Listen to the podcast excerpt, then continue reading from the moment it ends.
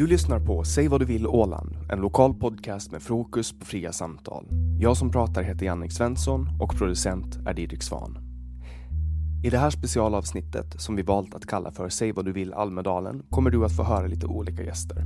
Vi tar bland annat ett snack med nationalsocialisten Per Öberg, komikern och skribenten Aron Flam och så pratar vi lite spel med bland annat Pafs VD Christer Falset och den lite mer kritiska kulturskribenten Mattias Svensson. Jag vill varna er lyssnare för att det här avsnittet kan innehålla stötande material. Jag förstår att många kommer att reagera känslomässigt på att vi valt att inkludera en nationalsocialist i samtalet och jag vill därför ta tydligt avstånd från det han säger. Vi som står bakom den här podden står på inga sätt bakom det Per Öberg säger och vi håller inte med om hans världsbild.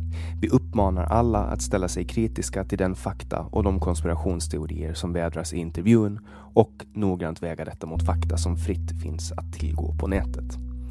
Anledningen att jag valt att inkludera Per Öberg, trots det han säger i intervjun, är för att jag tror att man bara kan skapa sig en världsbild av verkligheten genom att lyssna och iaktta allas perspektiv.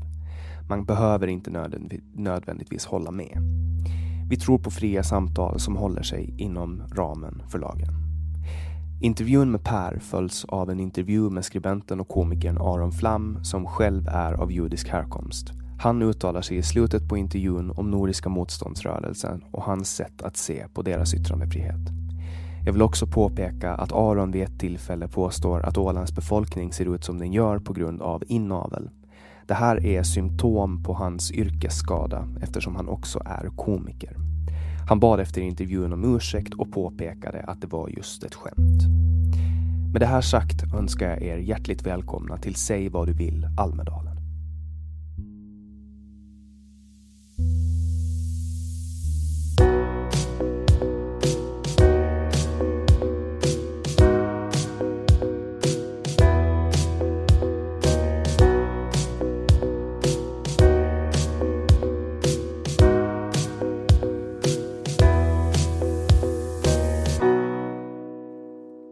Det är en vindstilla dag söndagen den 30 juni.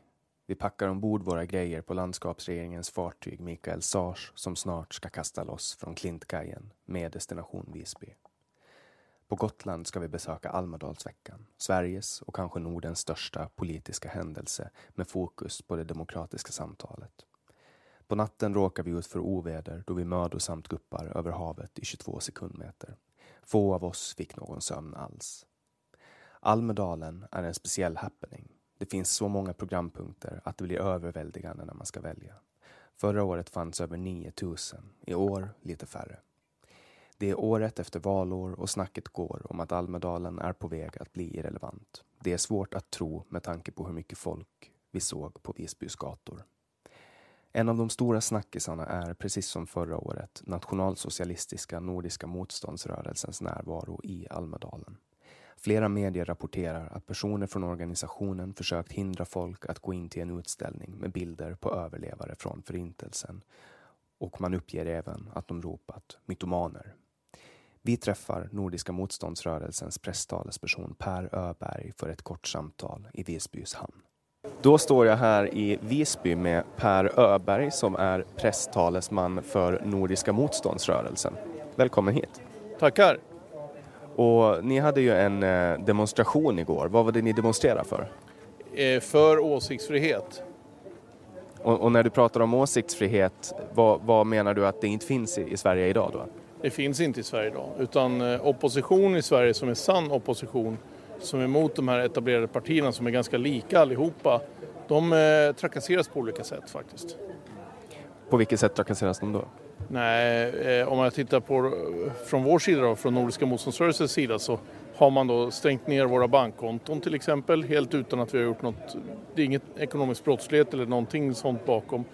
Man eh, på olika sätt då skriver väldigt så här demoniska mediereportage om oss. Och vi har ju väldigt centraliserad media precis som i stora delar av västvärlden. Och eh, man låter det här fortgå. Rättsligt så ser man till att använda lagen eh, om hets mot folkgrupp, alltså som kallas HMF då. Eh, den använder man ju hela tiden för konstiga saker. Jag själv är åtalad för att ha varit med på en demonstration så det ska ju avgöras i höst då i en nio dagar lång rättegång. Och det är bara för att jag medverkar, det är inte för att någonting kriminellt har hänt utan de menar på att bara att jag gick i den här demonstrationståget gjorde att det, det i sig såg så 30-talsaktigt ut så att det borde man dömas för. Vad, vad demonstrerade ni mot då? Eh, ja, då demonstrerade vi ju, det var ju eh, den här demonstrationen i Göteborg som var för två år sedan, jag minns faktiskt inte parollen men. Och rent ideologiskt så klassar du dig själv som nationalsocialist? Ja. Är nazist någonting du är bekväm med? Det är inget ord vi använder för att det är ju någonting som, eh, det är ju ett nidord på en nationalsocialist. Om man då tittar på Tysklands tredje riket där så kallar inte de sig för nazister heller då. Utan det var en politisk motståndare som har kommit på det begreppet. Och vad har ni gjort för andra saker här i Almedalen nu under, under veckan? Vi har deltagit vid olika seminarium och föredrag och sådär. Vart besökare av Almedalen kan man säga. Så att det enda vi gjorde som var utåtriktat så, det var just att vi höll tal igår och eh, vi har delat lite flygblad och sådär. Jag läste i tidningen också att vissa från eh, NMR har blockerat ingången till en utställning om, om förintelsen. Stämmer det? Nej, det är typiskt sån här eh, alltså fake news-artikel. Det var killar som stod utanför för att de gömde sig för, för eh, regnet då, eller stod under ett stort sån här markis. Och de var inte ett dugg i vägen, ingenting. Så att det där är fel. Det är bara att man vill tolka in sånt där för att media har liksom målat upp en så stor skrämselbild. Så man vill gärna då, eh, ja man vill gärna ta chansen att vara med i media om man då har blivit rädd för oss på olika sätt. Så att det är lite sorgligt så faktiskt. Så, så du menar att det var ingen som stod utanför och ropade mytoman, mytomaner? Nej. Och, och hur, hur ser du på förintelsen? Är du tveksam till att den ska ha genomförts? Ja, alltså helt ärligt så vill jag säga så här att, att man skulle ha gasat människor med eh, gasat ihjäl människor med giftig gas eller cyklon B som den officiella historien säger då, att det skulle vara 6 miljoner. Jag, jag vet att det är en bluff för att det, det, finns inga forensiska bevis för det och det man påstår som är forensiska bevis det är ju helt, det är helt orimliga saker man säger. Att man skulle liksom ha kremerat tusen personer om dagen och så vidare, det, det går inte. Så att det är en bluff och man fortsätter att hålla den lögnen vid liv. Och det säger sig själv att om man inte ens får ifrågasätta en sån sak i vissa länder utan att hamna i fängelse, då finns det en hund begraven. Och eh, där säger den gängse uppfattningen, det finns hur mycket bevis som helst, men det gör det inte.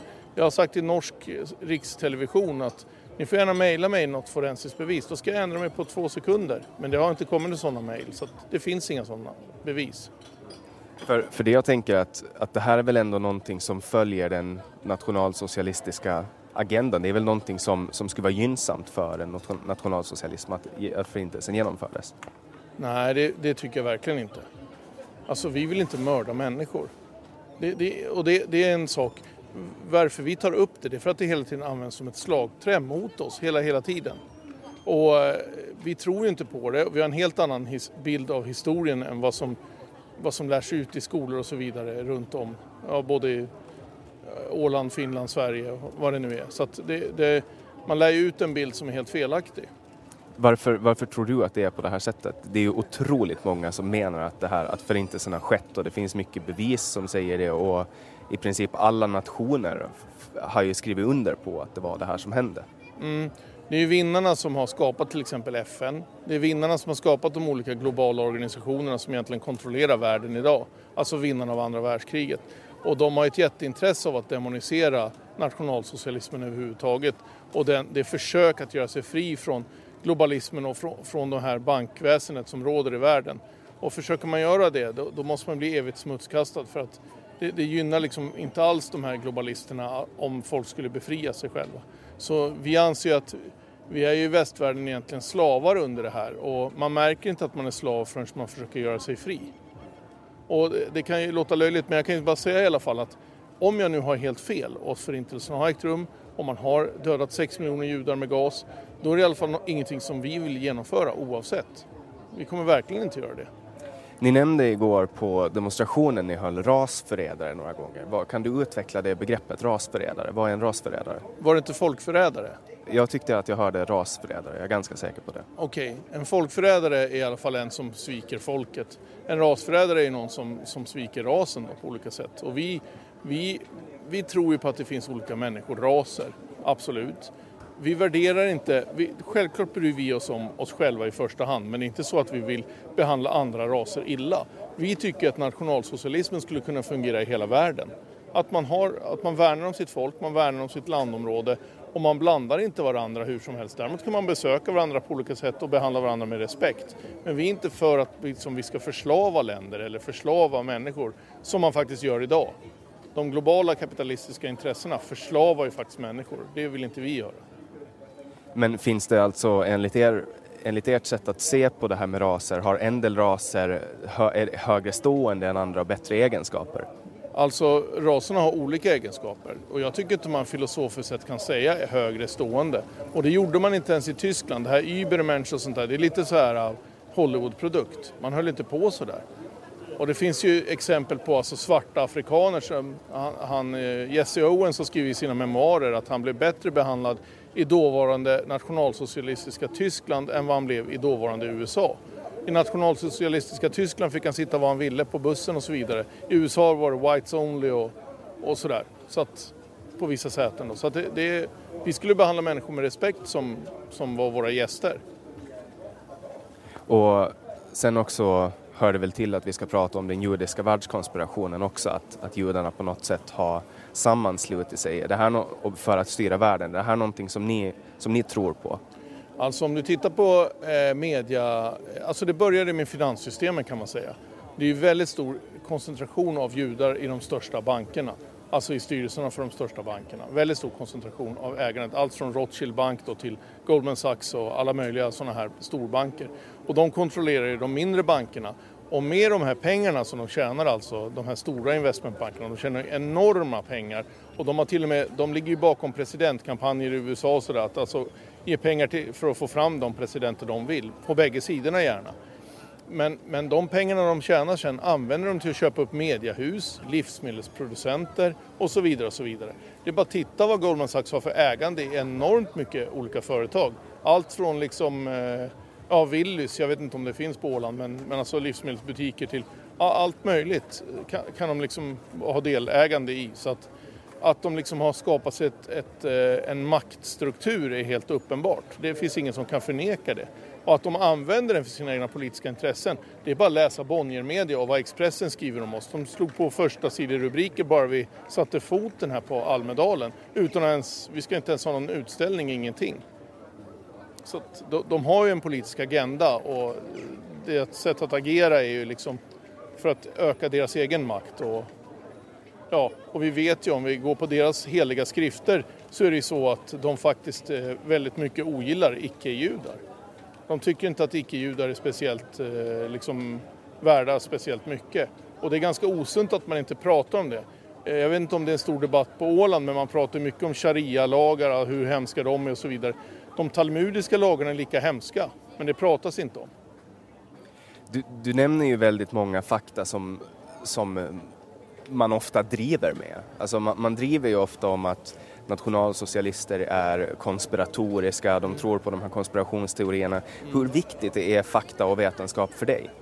Det är viktigt, absolut. Men jag menar, varför? Det är ju fakta vilka som äger eh, Rothschild Bank, Goldman Sachs och så vidare. Det är fakta, kolla upp styrelserna bara, det är inga problem.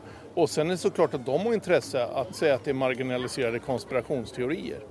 Men eh, det är samma sak, titta på eh, jag vet, höga politiker. I Sverige har vi Annie Lööf, det är typiskt sån här mutad politiker som bara sitter i Bilderberggruppen och trilaterala kommissionen och får en massa pengar för det. Vi hade Reinfeldt i Sverige som sa åt oss att öppna våra hjärtan och släppa in flyktingarna. Han får flera miljoner utav eh, eh, Bank of America som en slags muta i efterhand. De här bankerna mutar våra politiker så gör precis som de säger. Och då är det plötsligt så att vi styrs, det är som en skuggregering som har makt över, mer makt än vad politikerna har. Har du någonting som, som kan backa upp det här, någon fakta som kan backa upp det här? Absolut. Alltså, eh, nu kan inte jag ta fram någonting till dig här nu, men googla på Reinfeldt vad han gör nu egentligen. Googla på Annie Lööf och hennes medlemskap i Bilderberggruppen och Trilaterala kommissionen. Hon har till och med erkänt att hon är med där. Ser du Nordiska motståndsrörelsen som en våldsam rörelse? Absolut inte. Och det ska tilläggas, det finns inga belägg för att vi skulle vara vad de kallar våldsbejakande. Jag frågade ju igår, jag var på ett föredrag tillsammans med Säpos högsta chef Det var en Säpo-analytiker, alltså Säkerhetspolisen i Sverige. Och det var en, eh, den polisen som har hand om underrättelsearbete, den högsta polisen, hon heter Linda någonting. Jag frågade de tre, vad är det som gör oss till våldsbejakande? Och det var inget jättekvickt svar. Det var Säpos analytiker som till slut sa, ja men ni har ju sagt att ni till varje pris vill liksom jobba mer kamp och sådär. Och det handlar om att vi till varje pris vill bevara vårt folk undan undergång. Det är det vi säger, det är ett försvars... Alltså vi vill försvara oss. Vi vill inte dö ut och försvinna in i det här att, att de här globalisterna förintar oss. Och det jag tänker att, att den invandringen som har skett i Sverige har ju varit i väldigt stor uh, utsträckning muslimsk och, och uh, inom islam så, så finns det ju ganska mycket antisemitism. Om, om det nu är så att det är ett, ett judiskt etablissemang som styr det här, är inte det lite motsägande då med tanke på vilken sorts invandring som kommer till Sverige? Jo, men det, de gör mycket motsägande saker. Man har ju hittat IS-förband som har let, letts av Mossad-agenter. Så att de behöver ju det här så att man inte riktigt kan peka på vad som händer. Och samma sak, alltså de kan göra processen kort med de här muslimerna som befinner sig i Sverige om de skulle vilja. De har enorma militära resurser. De, jag menar, de kontrollerar ju, den judiska lobbyn kontrollerar ju även NATO, eh, vår mest effektiva krigsorganisation i världen. Så att de kan göra processen kort med dem där om de skulle vilja och det som sker det är att de gärna vill ha oro i ett land för att sen kunna ockupera landet. Vi har ju sett det i Libyen, Eh, ja, de försöker ju i Syrien. Vi ser det i många länder. Det är det nya sättet att föra krig på. Det är att skapa oro, sen officiellt gå in för att rädda folket och rädda demokratin, men egentligen gör man ju då en ockupation. Och det är kanske vad Sverige har att vänta, för de bygger ju i alla fall för det nu. Att liksom ta in en massa främmande grupperingar. Man har även hittat containrar med vapen på väg in i Sverige och så vidare. Så att alltså det finns ju en, de, de har ju några onda planer med allt det här. Och sen, sen undrar jag också, hur, hur ser NMR sig själva i relation till de nationalsocialister som styrde Tyskland på, under andra världskriget? Ja, det är egentligen helt olika med tanke på att vi företräder en modern nationalsocialism. Men grundtanken, alltså kopplingen till naturen, att, att, att vår, vår, syn på att vårt folk ska bevaras och så vidare, den är ju samma. Och, och vad ska man säga, den är inte tidskopplad. Men sen finns det en massa andra saker som är kopplade till den tiden och nutid och så vidare. Där skiljer det sig en del. Är Adolf Hitler en förebild för er på något sätt? Ja, det vill jag säga att han är. på, då, då på vilket sätt? Nej, men man måste ju förstå den korrekta historiebeskrivningen då. Hans socialpolitik var ju helt fantastisk alltså. Han skapade ett samhälle där människor fick det så mycket bättre allihopa. Och det är, ing, det det är, jag menar, det är ingen hemlighet, det är också sådana fakta man kan kolla upp det var ju väldigt många som dog under andra världskriget som han skapade. Ja, absolut. Men vi menar ju på att eh, de här krafterna som ville bevara den här bankstrukturen och slaveriet, de attackerar ju Hitler på bred front. Och han gick ju till motattack före, ibland, innan han blev attackerad då. Men vi ser ju honom som att, alltså att han blev ju, de, de såg ju till att krig, bekriga landet extremt mycket. Och tyvärr vann de då. Vad är det som är motstånd i Nordiska motståndsrörelsen? Vad innefattar det? Det innefattar ju motstånd mot det här slaveriet som råder. Och har ni aktiva medlemmar på Åland? Ja. Hur många? Ja, vi går ju inte ut med antal och det är per definition en motståndsrörelse gör ju inte det då. Då tackar jag så jättemycket. Tack själv. Du hörde precis Per Öberg som är presstalesman för den nationalsocialistiska organisationen Nordiska motståndsrörelsen. Efter ett seminarium om sin nya bok Det här är en svensk tiger möter jag Aron Flam. Nu sitter jag här i Almedalen med Aron Flam som är satiriker, snart författare, eller numera författare, eh, komiker, poddare. Vad, vad skulle du beskriva dig som? Arg jude? komiker och skribent brukar jag säga. Eh, arg, ja visst, ibland, mestadels, oftast ganska mycket arg. Jude, eh, jag tror att hade du frågat någon rabbin i Stockholm så hade nog den sagt eh, jag brukar inte se honom i bänkraden.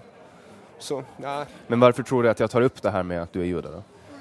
Um, därför att vi lever i en identitetspolitisk tid. Tror du att det är en del av ditt brand på något sätt? Ja, det är det. Det är ju självklart att det är en del av mitt brand. Men det vore ju dumt att förneka det också. Därför att om jag hade förnekat det hade jag fortfarande varit jude. Och så hade de kallat mig jude. Men jag hade gått runt och sagt sluta kalla mig jude. Och hur hade det sett ut? Och anledningen att jag fångar dig så här är för att du har ju fört en ganska offensiv, vad ska man säga, en offensiv linje mot public service. Mm, ja, men eh, när du säger ganska så får du mig att tro att jag inte har varit tillräckligt offensiv mot public service. Okej, okay, du har varit, ja, alltså du har stått utanför SVT och protesterat mot public service. Varför?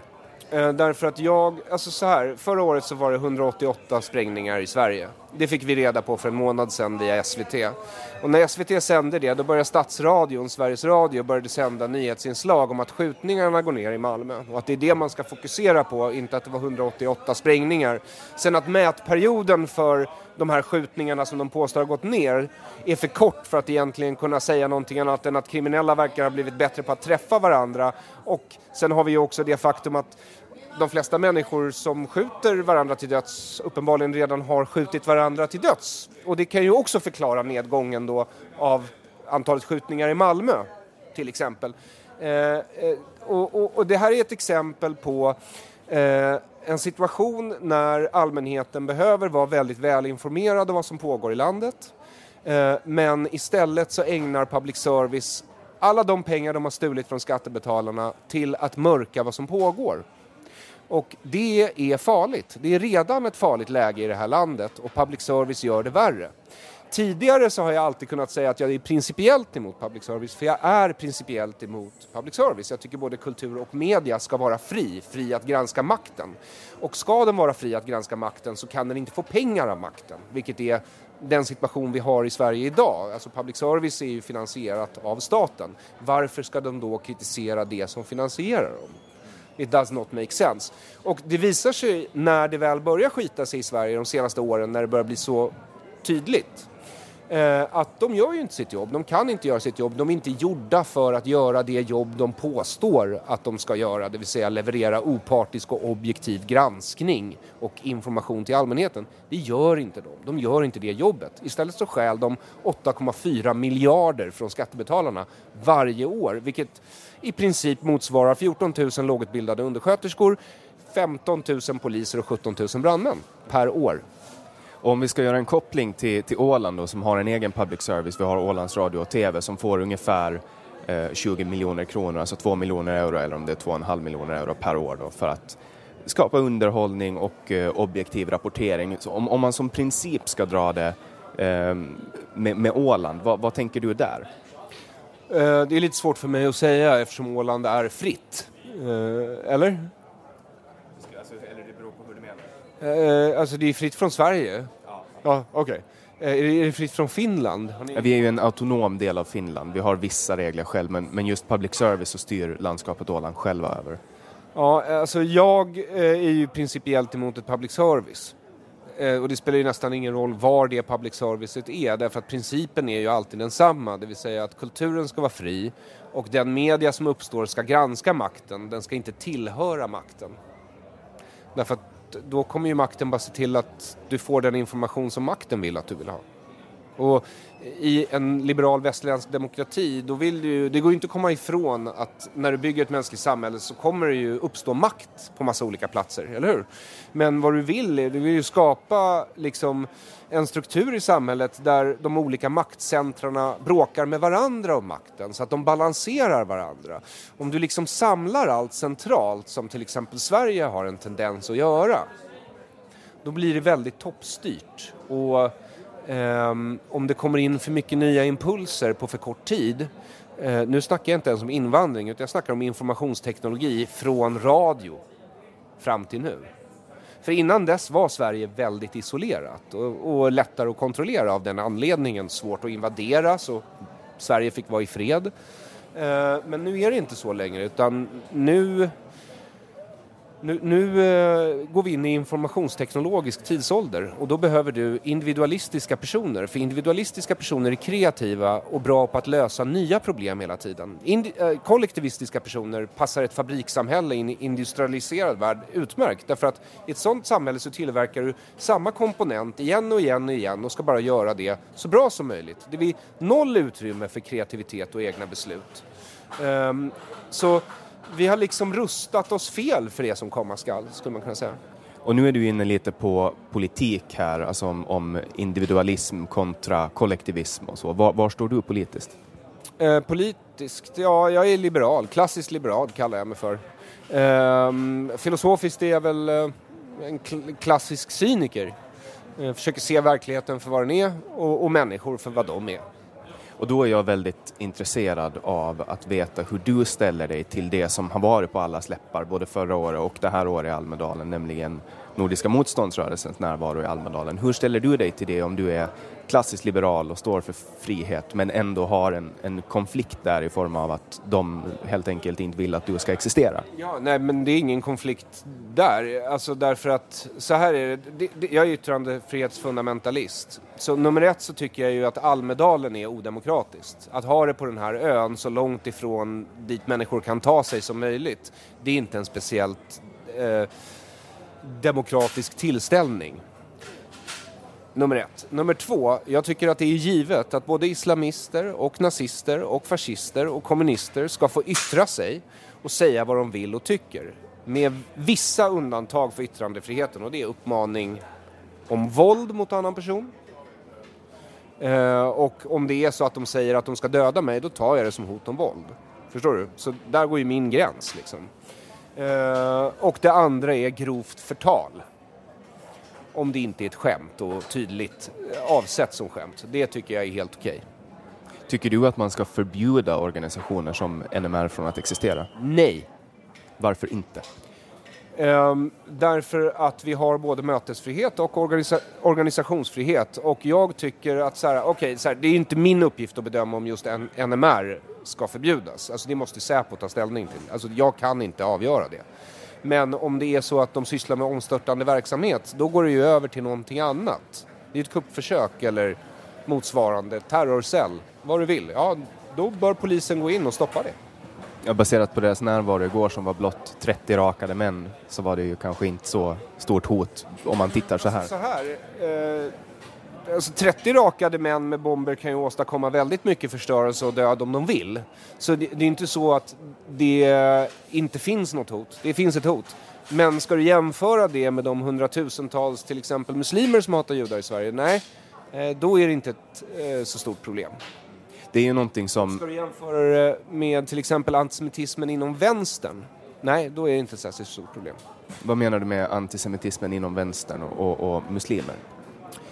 Alltså, eh, jag säger inte att alla muslimer, men eh, väldigt många av de muslimska invandrare som har kommit till Sverige de senaste åren, de kommer från länder där antisemitism ingår i statspropagandan för att hålla befolkningen i schack. Istället för att säga åh vi är så dåliga så säger deras ledare judarna lurar oss och USA hjälper till för de har lurats av judarna också, typ.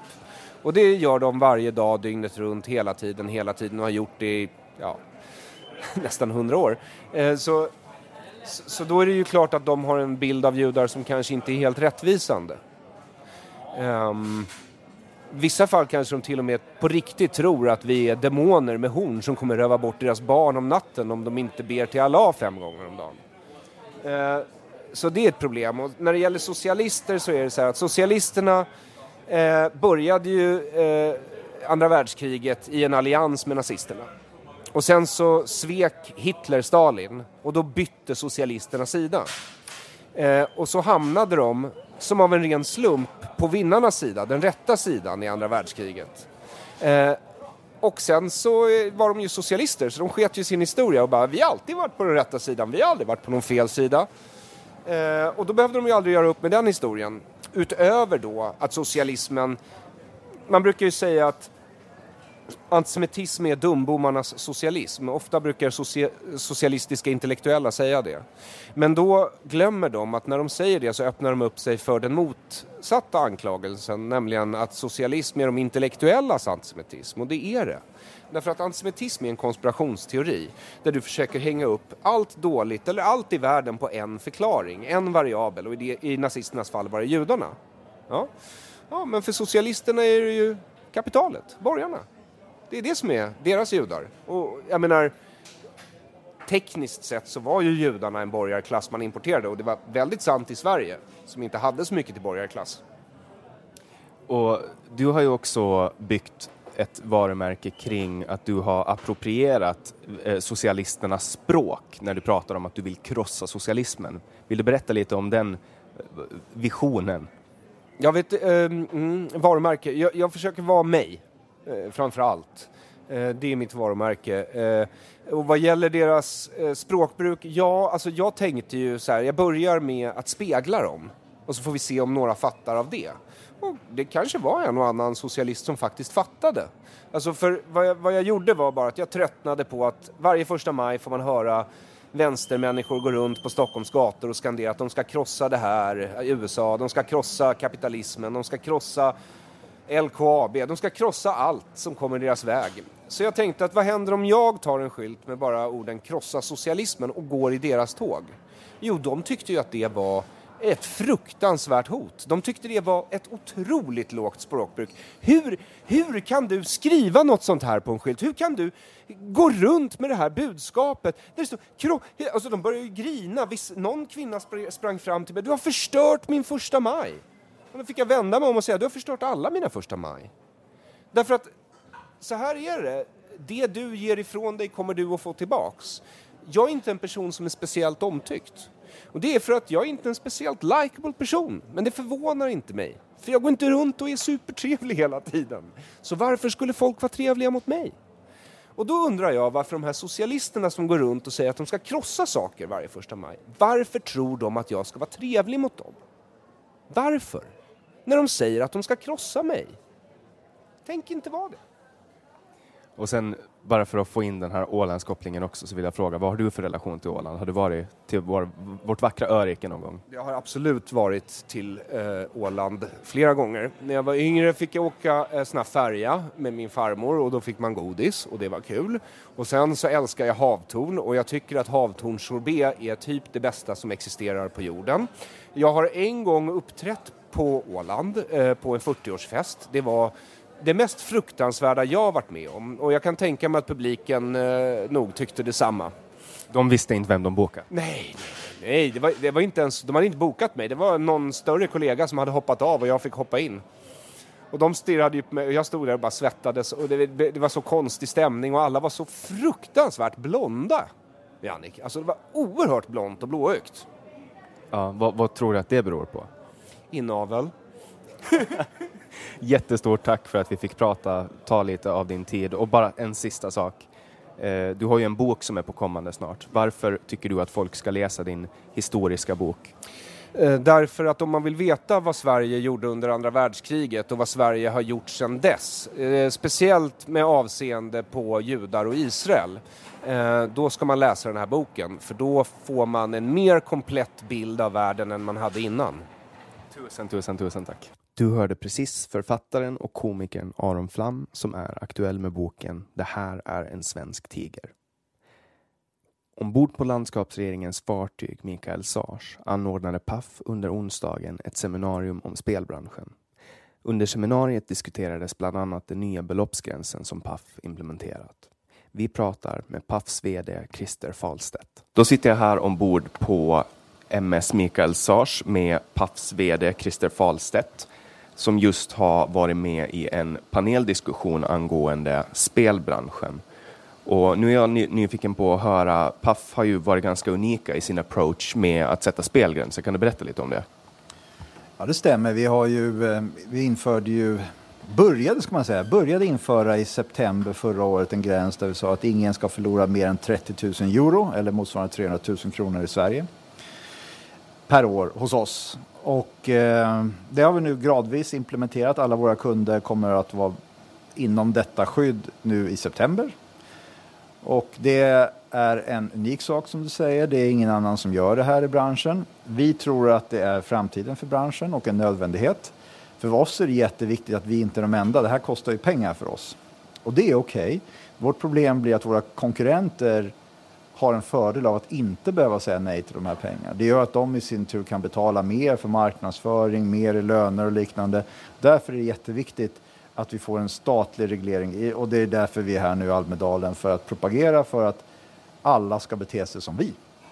Och ni tror alltså att det ska vara en statlig reglering som, som sköter det här? Det måste vara så för att det är så mycket pengar som ligger i, i den här lilla, lilla, det är inte ens en procent, det är inte ens en halv procent utan det är, det är en tiondels, alltså två tiondels procent. Där ligger det så enormt mycket pengar. Inget bolag kommer självmant att kliva ifrån det här. Undantaget är ju oss då, men vi har en speciell situation med en ägare som är tillräckligt förmögen för att kunna säga nej. Det har till exempel inte Svenska Spel. De måste ha in pengarna. Så därför har vi en unik situation, men ingen annan kommer att orka följa med. Och då är det inte bra för oss och det är inte bra för branschen. Så då måste staten säga det här är det som gäller. Hur kommer det här att påverka Pafs resultat? Så vi har ju sett redan nu då att eh, vi har ungefär 14 miljoner euro. När vi började med det 2017 så tjänade vi 14 miljoner euro på spelare som förlorade över 300 000, äh, 30 000 euro. Det har vi sagt att den siffran ska vara noll 2020 så att vi behöver då alltså ersätta 14 miljoner euro med någonting annat. Och det är en stor del av vårt resultat. Vi har ju en vinst som brukar ligga någonstans i häradet mellan 17 och 24 miljoner så, så 14 är en stor del av det. Så här långt, nu har det inte gått ett fullt år utan det har gått tre kvartal, så har vi lyckats att ersätta den peng vi tappar med det vi kallar mera hälsosamma intäkter på en lägre nivå. Så just nu inget alls. Och Paf har varit öppna med att prata om den här lilla, lilla procenten som spelar för en stor del. Kan du berätta lite om det? Ja, vi har känt att det är en nödvändighet för att annars så, vi vet ju att det ser ut så här. Branschen som helhet vet att det, att det ser ut så här, men man vill inte prata om det. Det är tragiskt, pinsamt och man väljer att köra strutstaktiken på det här. Men vi, vi känner att det här funkar inte för att då och då så kommer det fram fall med riktiga människor och då, då ser man oj, hur kunde den här personen spela för så här mycket? Vi trodde att alla bara spelade för en tusenlapp här och då i värsta fall och så visar det sig att det är mycket, mycket mer. Så vi kände att vi, vi måste gå i bräschen och vi måste vara transparenta med hur vår intjäning fördelar sig. Och det ser vi att våra konkurrenter fortfarande tycker är jätte, jättejobbigt. Det är ingen som har följt efter här, det trodde vi. Och då är vi ändå ganska tuffa mot dem i sådana här debatter. Och, eh, men så fortfarande så är det många som kör, eller många, alla kör strutsen fortfarande. Tusen tack. Du hörde precis Christer Falstedt som är VD på Paf. I samma panel fanns också kulturskribenten och författaren Mattias Svensson. Han är kritisk till att man med lag ska begränsa spelföretag och kommer istället med andra lösningar. Så sitter jag här med Mattias Svensson som är kulturskribent, eller vad skulle du beskriva dig själv som? Ja, det är ju lite tjusigt eh, så jag använder den titeln. Jag skriver i Aftonbladet på kultursidan regelbundet. Jag skriver böcker och annat och pratar. Och du har varit med och debatterat spel och spelgränser här ombord på Mikael Sars. Vad är din ställning när det kommer till spelgränser? Hur bör, hur bör det regleras? Ja, frågan är ju eh, om det ska regleras alls och där är jag ju väldigt skeptisk. Eh, det var ju eh, väldigt intressant att följa det här seminariet just för att man har visat att de här spelansvarsgrejerna är en typisk sån här nudging ideologi att man ska, det har varit väldigt pop akademisk teori som, som har varit populär. Den har nu visats inte ha några effekter alls. Eh, och det är ofta så där med politik, liksom, att det blir en symbolåtgärd, man vill se ut som om man gör någonting. Eh, här identifierar man ett problem och det är eh, den väldigt lilla del människor som spelar bort oerhört mycket pengar. Ehm, min fundering där, därför att det är ju förstås en, en, en tragedi och någonting man även som säljare av en produkt har ett, om inte annat en moraliskt ansvar för. Eh, jag funderar i vilken mån staten via Kronofogden ska vara behjälplig i att driva in de här skulderna om de har eh, anskaffats genom överdrivet spelande till exempel. Eh, den här idén med en beloppsgräns skulle kunna appliceras på vilka skulder som, som staten är beredd att driva in åt bolag som har sänt på folk. Hur tror du att det praktiska utfallet av en sån reglering, eller det är väl en icke-reglering, hur skulle det bli praktiskt? Eh, rent, rent praktiskt så skulle det ju försvåra eh, bearbetandet av eh, det här kundsegmentet. Alltså om man märker att människor spelar då bort väldigt mycket pengar eh, så vet då företaget att vi kan få problem att driva in dem. Eh, och då är, det alltså, då är det alltså också spelbolagens förlust och inte bara den enskildes. Man skjuter liksom över ansvaret till spelbolagen snarare än att låta staten ta ansvaret för en spelbeloppsgräns? Ja, eh, och, och, och jag tycker att det, det vore ett rätt aptitligt sätt att, eh, att reglera det här. Vi har ju liksom regler för eh, det är ju ett ofrånkomligt politiskt ansvar med, med liksom skuldsättning och, och hur den ska indrivas. Vi, vi avskaffade slaveriet på det sättet genom att, genom att man eh, på olika sätt kan gå i konkurs eller, eller på andra sätt. Men, men om, om man sätter i system att skuldsätta folk eh, som, som affärsidé så, så ser jag ett utrymme för att reglera det här via att inte driva in den sortens skulder. Och Paf vill ju nu påverka stater i, i Skandinavien och Europa i riktningen att, eh, att man ska införa en spelgräns. Vad, vad tycker du om, om, om Pafs påverkan på, på politiken i det här fallet? Jag är ju alltid skeptisk när företag delar med sig om eh, råd om hur man regleras. Eh, för då handlar det ju alltid om att eh, man inte vill ha så mycket konkurrens. Företag som har en riktigt bra affärsidé brukar sällan dela med sig av den på det sättet utan det handlar om saker som, som man gör av, av kostnadsskäl och annat. Men även med den betänksamheten så tycker jag att de har presenterat intressanta siffror kring, eh, kring hur liten del av, av spelmarknaden som står för väldigt stora intäkter genom väldigt stora förluster. Vilket ju också visar att de allra flesta som spelar gör det för nöjes skull och eh, på ett ansvarsfullt sätt eh, och, och att det, eh, det på det hela taget funkar väl och eh, de betjänas bra av av liksom ett antal olika spelföretag. Perfekt. Tusen tack Mattias Svensson. Med ombord på fartyget fanns också lantrådet Katrin Sjögren. Då tänkte jag passa på att fråga dig Katrin, varför är det viktigt att Åland har en närvaro i Almedalen? Det är viktigt att Åland är här av många olika anledningar. För det första så är det väldigt fortbildande, både för politiker och de tjänstemän som är med så att man kan lära sig otroligt mycket. För det andra så eh, är det ett utmärkt tillfälle att knyta kontakter, bygga nätverk, få kontakt med, med svenska politiker och företag och föreningar som Åland kan ha nytta av. Och för det tredje så deltar ju också Åland och vi åländska representanter i olika diskussioner och debatter. Så visa hur vi gör saker och ting på Åland. Åland är litet men vi har absolut ingenting att skämmas över och vi, vi kan vara modellexempel i, i flera frågor. Och då är det ju säkert många som undrar angående kostnaderna för nu åker ni ju med, eller vi, jag är också med här, åker med eh, Sjömansskolans och, och Högskolans gemensamma fartyg då, Mikael Sars. Det stämmer och det är klart att det är en kostnad men allt arbete som vi gör när vi knyter kontakter, vare sig vi för till Helsingfors, Bryssel eller Stockholm så kostar ju en del pengar. Och den eh, sammanlagda analysen visar att vi får väldigt mycket ut av att åka med Mikael Sars. Det, det är billigt, alla kostnader redovisas. Det kostar väldigt, väldigt mycket att dels flyga hit eller ta sig hit med, med båtarna som går från Nynäshamn.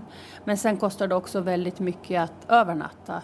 Det är blodiga priser på alla husrum och hotell som finns i hela Visby och, och regionen runt Visby. Så att det är ett väldigt kostnad, kostnadseffektivt sätt att resa med Mikael Sars. Och vad har du själv gjort då sedan du kom hit? Ja, jag har gjort väldigt mycket. Jag har varit och lyssnat på debatter och anföranden om smarta förpackningar och flera diskussioner om skolan, om rektorns roll och eh, elever som hamnar utanför hela skolsystemet. Jag har deltagit och sett i fler, på flera utställningar och sen har jag också själv varit med i debatter. Är det någonting speciellt som du tar med dig från det här året i Almedalen?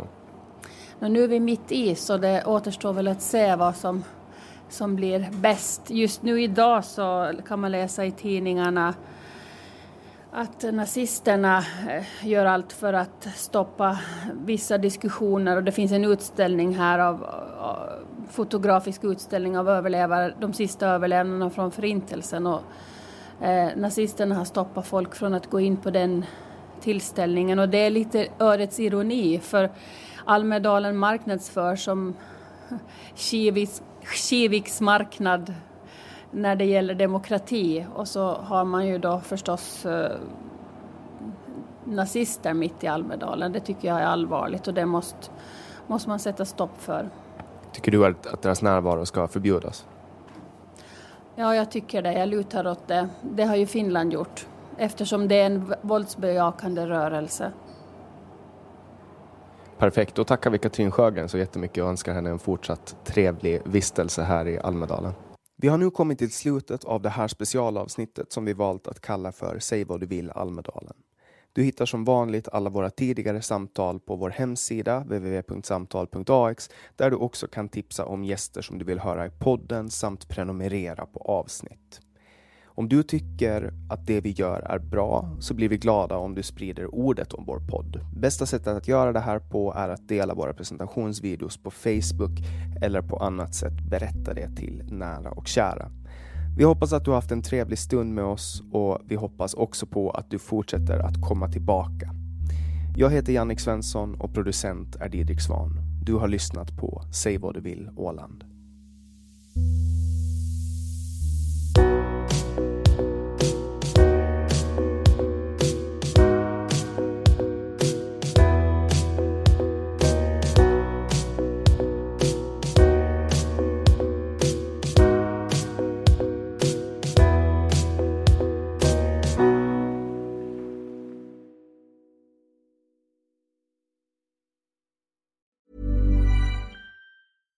Spring? Is that you?